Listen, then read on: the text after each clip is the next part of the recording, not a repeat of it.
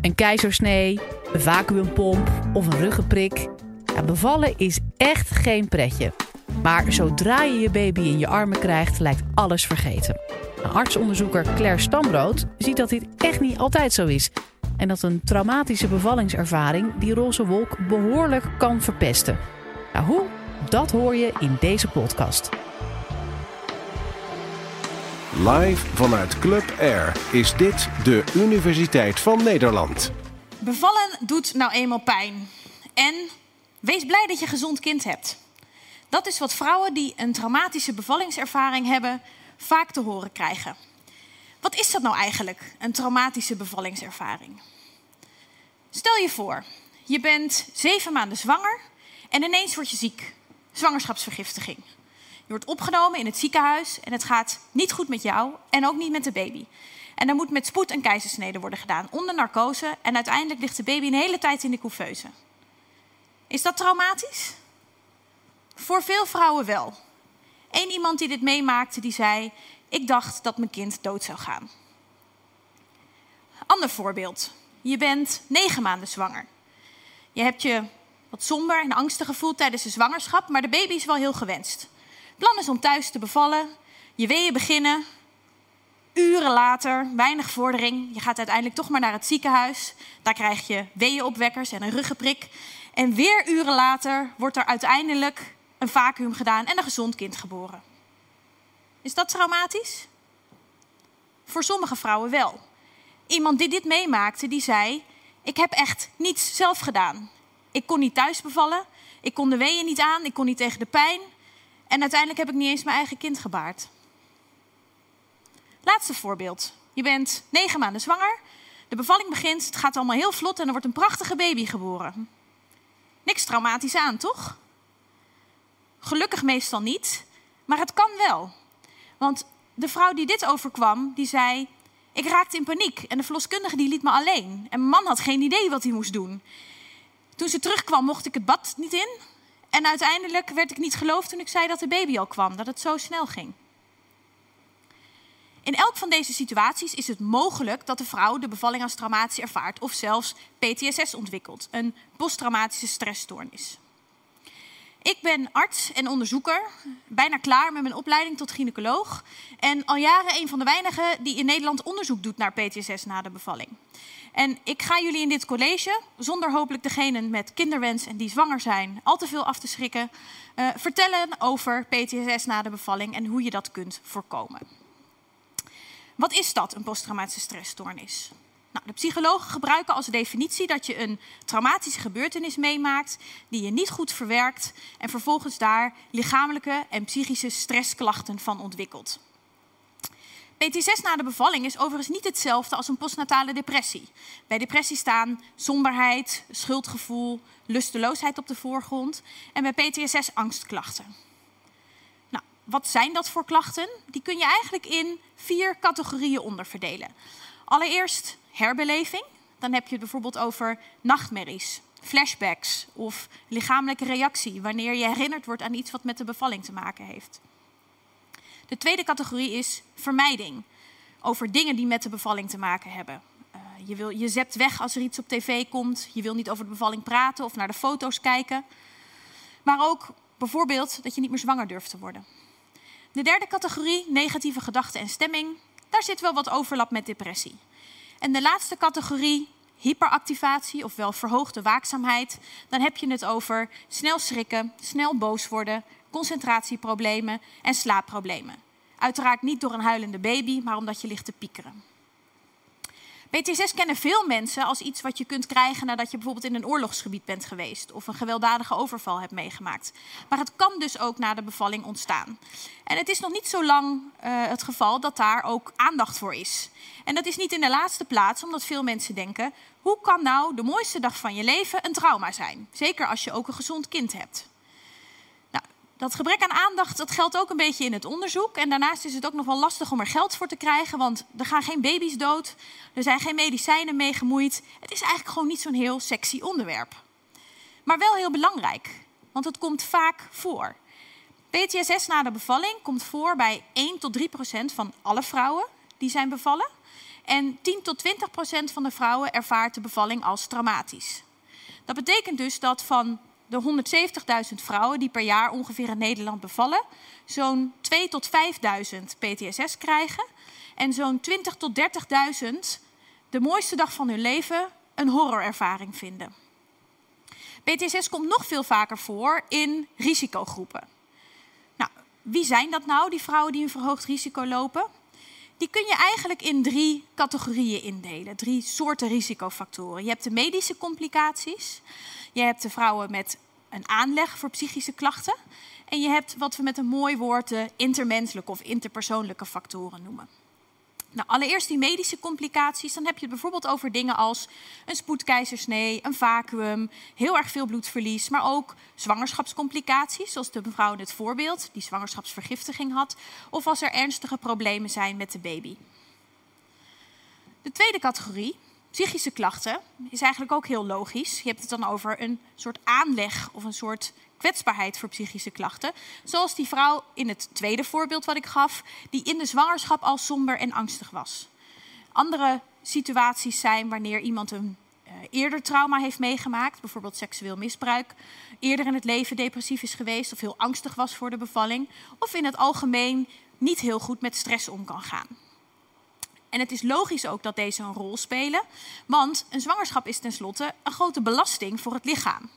En net als dat we weten dat als je aanleg hebt voor bijvoorbeeld hoge bloeddruk of suikerziekte, dat de kans groot is dat je dat in de zwangerschap krijgt, het daarna weer weggaat en het ooit in je leven weer terugkomt.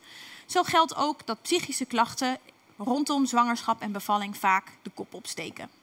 De derde categorie risicofactoren, dat zijn dus die intermenselijke factoren. Dan hebben we het over dingen als weinig steun hebben ervaren van je partner of je zorgverlener. Uh, je niet gehoord of niet betrokken voelen tijdens de bevalling. Eigenlijk zoals die mevrouw in het derde voorbeeld aangaf. Dat ze zich alleen gelaten voelde en niet gehoord. Waarom is dit nou allemaal zo belangrijk? Dat heeft niet alleen te maken met hoe vaak het voorkomt, maar ook met de gevolgen van PTSS na de bevalling. Want die zijn er niet alleen voor de moeder, die zijn er eigenlijk voor het hele gezin. Een aantal dingen weten we. We weten dat vrouwen die PTSS na de bevalling hebben, dat die minder vaak en minder lang borstvoeding geven. En we weten allemaal, breast is best. We weten ook dat er vaak problemen ontstaan in de relatie met de partner. Er kunnen problemen ontstaan in de hechting, de binding met het kind. Vrouwen zijn vaker bang voor een volgende bevalling. En uh, we weten ook dat ze soms niet eens meer zwanger durven worden.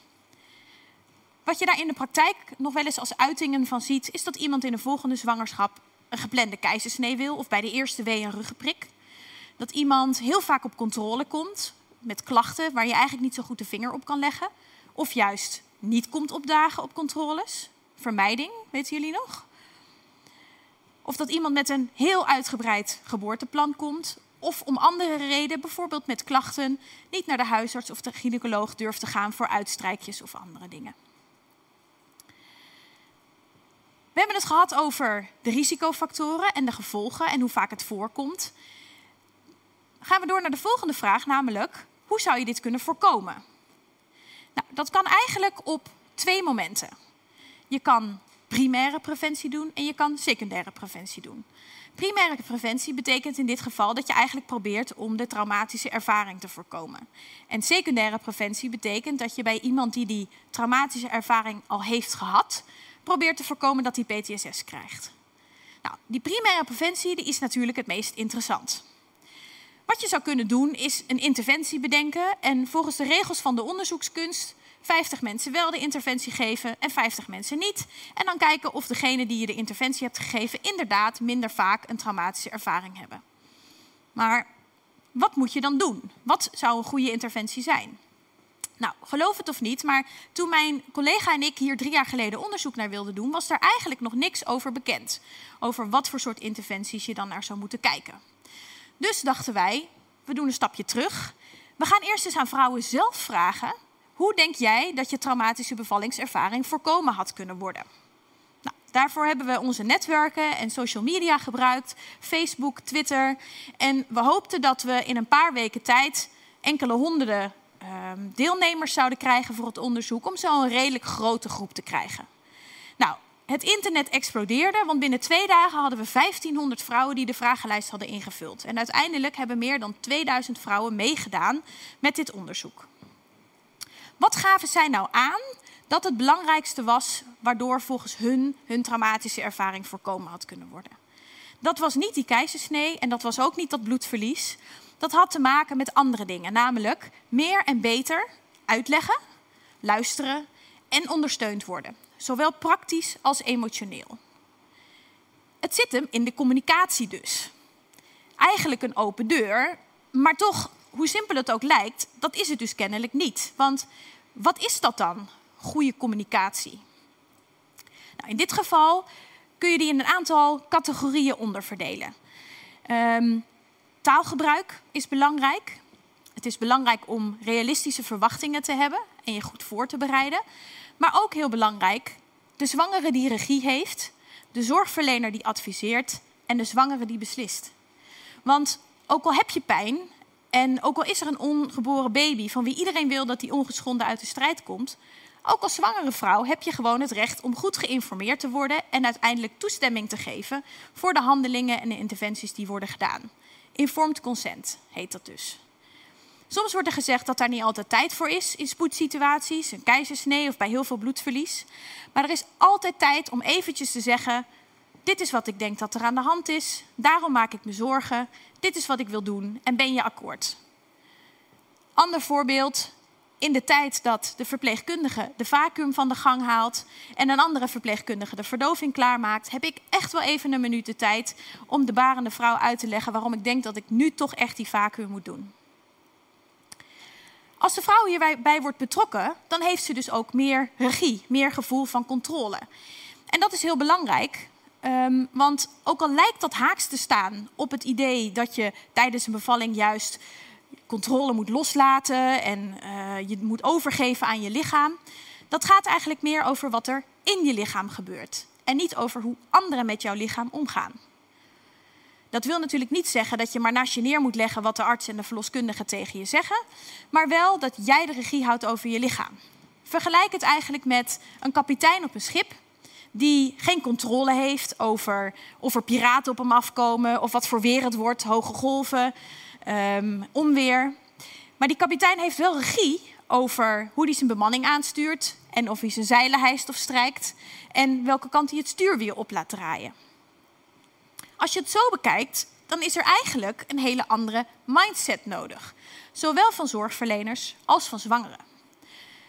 Voor de zwangere vrouw is het belangrijk dat ze zich goed voorbereidt en dat ze realistische verwachtingen heeft.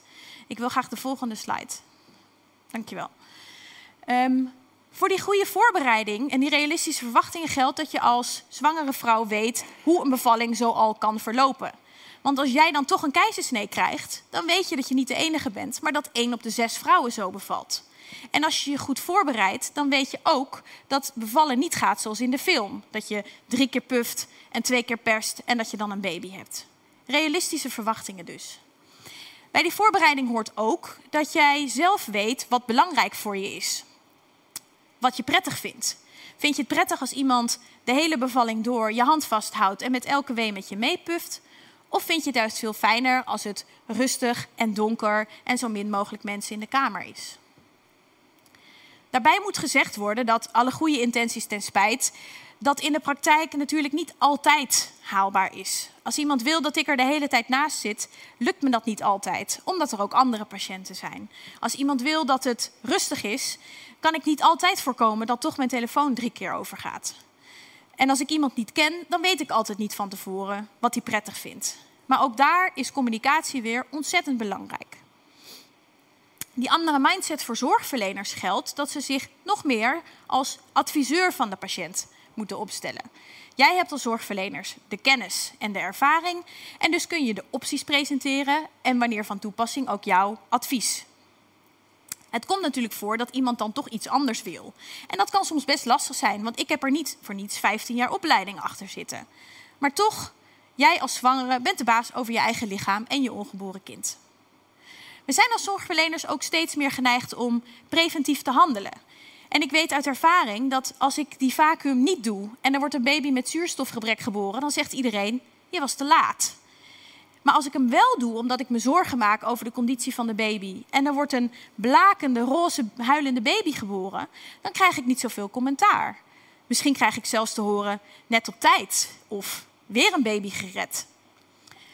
Zwangere vrouwen die vragen zich steeds vaker af of die preventieve handelingen, die preventieve interventies van ons wel zo nodig zijn.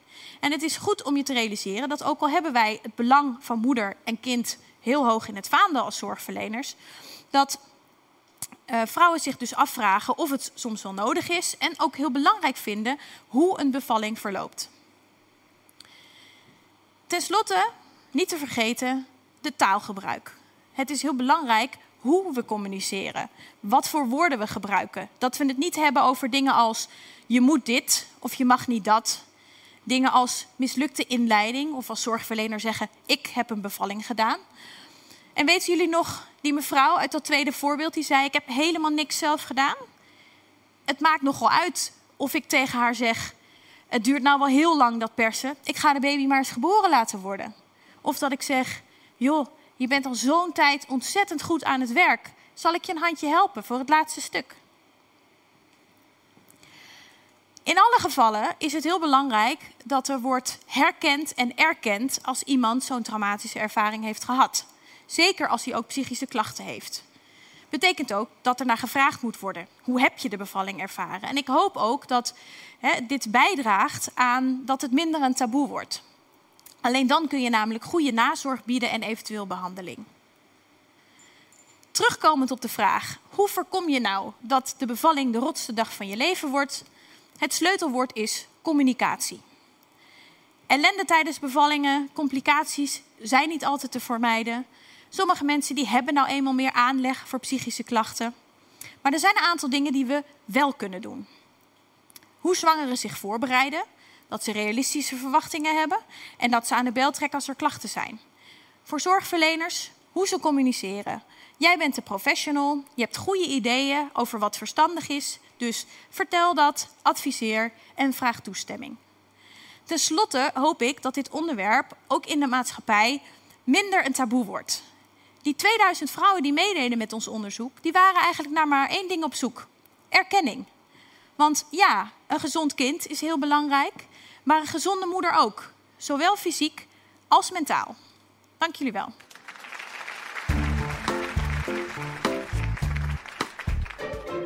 Wil je nou meer afleveringen van de Universiteit van Nederland horen? Check dan de hele playlist en ontdek het antwoord op vele andere vragen.